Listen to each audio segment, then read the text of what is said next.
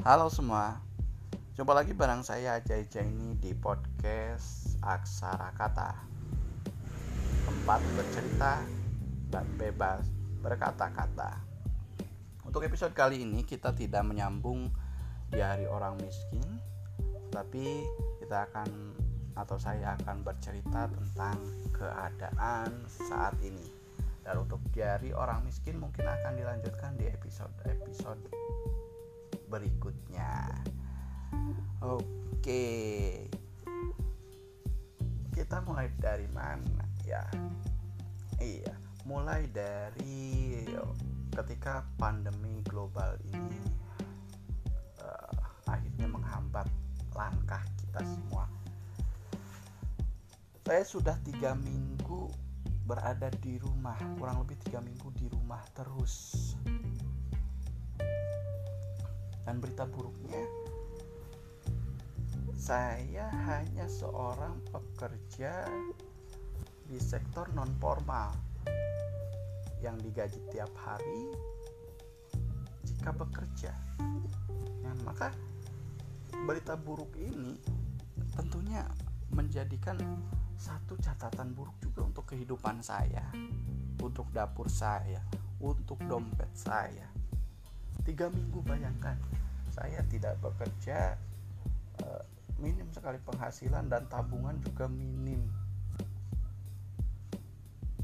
Untung memang masih uh, istri saya masih bekerja itu masih di salah satu pabrik masih bekerja. Tapi masa iya kamu ngandelin istri untuk kerja? Enggak juga kan? Nah ini masalahnya dan tiga minggu di rumah itu nggak asik nggak betah. Serius. E, padahal notabene daerah ini memang jauh dari Jakarta seperti itu. Ya tidak jauh juga sih tapi e, di daerah saya ini belum belum ada yang positif sampai saya membuat rekaman ini di e, wilayah kecamatan saya khususnya uh, aduh tapi sebenarnya kenapa sih sampai tutup? Ya saya ini kerja di toko di toko punya orang grosiran. Yang belanja itu orang-orang yang dagang di kota. Jadi otomatis ketika beberapa minggu yang lalu di kota mulai tidak stabil mereka dagang juga susah otomatis tidak ada yang belanja di toko saya. Makanya karena memang bos ataupun owner di toko saya itu bukan pemodal-pemodal besar itu hanya uh, usaha kecil menengah seperti ini. Ya pusing juga. Makanya akhirnya memilih tutup. Saya tidak menyalahkan beliau saya tidak menyalahkan siapa pun karena memang seperti itu. Kalau ngegaji orang kan kayak gitu kan. Nah masalahnya aduh tiga minggu aduh ya Allah. Kalau ini dibiar uh, kalau ini terus berlanjut mau gimana kehidupan saya? Mau gimana saya? Nah itu masalahnya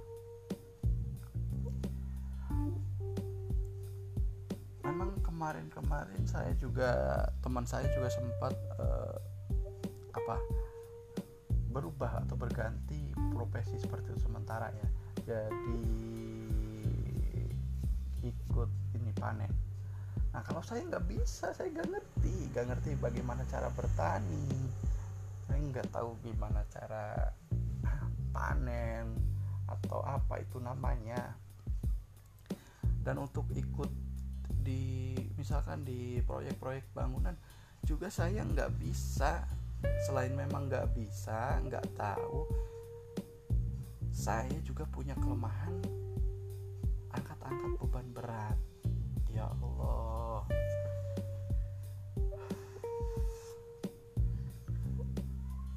Dan kondisi ini sangat memprihatinkan untuk eh, kalangan-kalangan seperti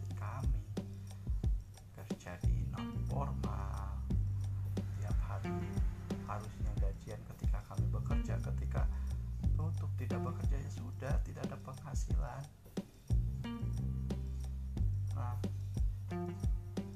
kalau misalkan e, dipaksa untuk produktif juga gini seandainya masalah produktif kita belum terpenuhi belum terisi bagaimana kita bisa mikir?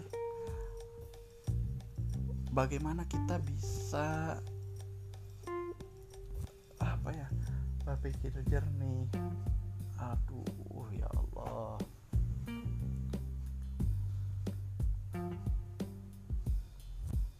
Dan dilematisnya kalaupun misalkan ada bantuan saya ini masih muda. Rasanya kok tidak pantas ya meminta ataupun mendapatkan bantuan? Mungkin ada yang lebih susah dari saya. Tapi ya kenyataannya emang saya juga sedang susah banget ini. Mau gimana? Oh iya dan herannya di saat kondisi seperti ini korban jiwa jelas berjatuhan yang positif jelas semakin banyak. Bahkan para tenaga medis di garda terdepan juga banyak pertumbangan. Masih ada aja yang nyinyir masih ada aja yang mengkait-kaitkan ini dengan politik lah. Masih ada aja yang nggak mau atau e, mau maunya nggak ikut aturan. Protokoler kesehatan dibenturkan dengan masalah agama. Ya iyalah nggak beres-beres.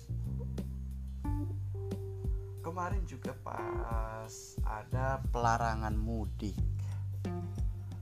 di daerah saya malah kedatangan banyak sekali mudik oke kita bisa melihat dari berbagai sisi misalkan perantau di sana tidak lagi bekerja, tidak punya pekerjaan, atau pekerjaannya hilang, atau peluang untuk berdagangnya hilang. Memang wajar ketika mereka akhirnya memutuskan untuk pulang kampung.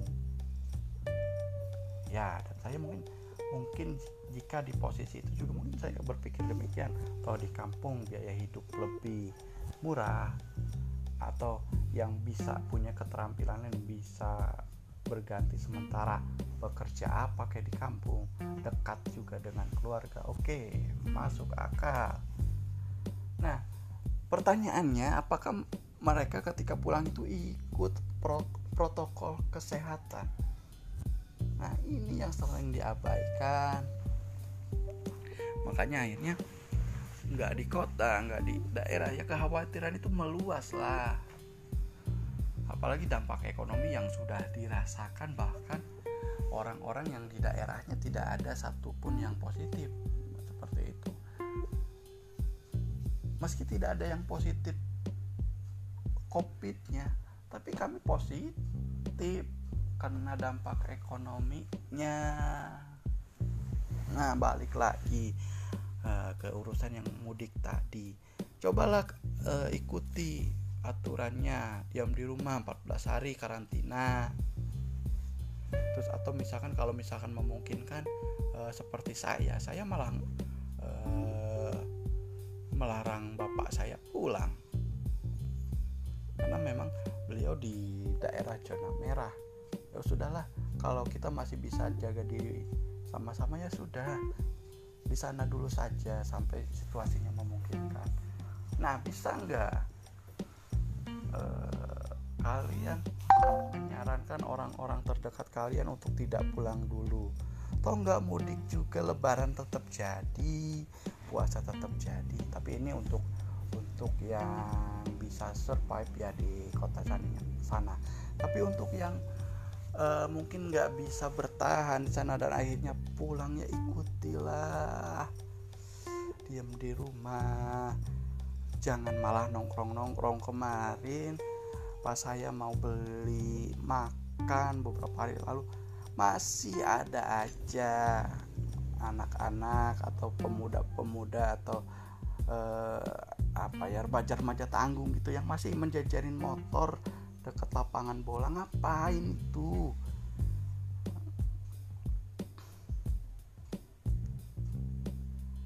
Kalian yang muda mungkin uh, enggak merasakan langsung dampaknya. Bahkan kalaupun kena juga gejalanya enggak berat ringan mungkin. Tapi bisa jadi kalian itu pembawa carrier atau apa itu istilahnya dan lagi kalau kalian semua ngeyel kita semua ngeyel masalah ini gak akan selesai-selesai. Akan ada banyak orang-orang seperti saya orang-orang di garis garis kemiskinan ke bawah itu atau orang-orang yang rentan miskin akan jadi makin susah hidupnya. Yuklah kita bergandengan tangan yuk sama-sama ikuti aturan-aturan yang ada untuk bisa melawan pandemi ini. Saya juga sudah bosen di rumah serius saya ingin kerja seperti biasa. Saya yakin kalian juga ingin kerja seperti biasa. Saya ingin berkarya seperti biasa. Karena dipaksakan produktif juga kalau di saat-saat seperti ini ya puyeng juga pusing akhirnya. Serius ya sudah. Segitu dulu curhatan kali ini. Uh, kalau misalkan ada salah-salah kata mohon dimaafkan. See you bye.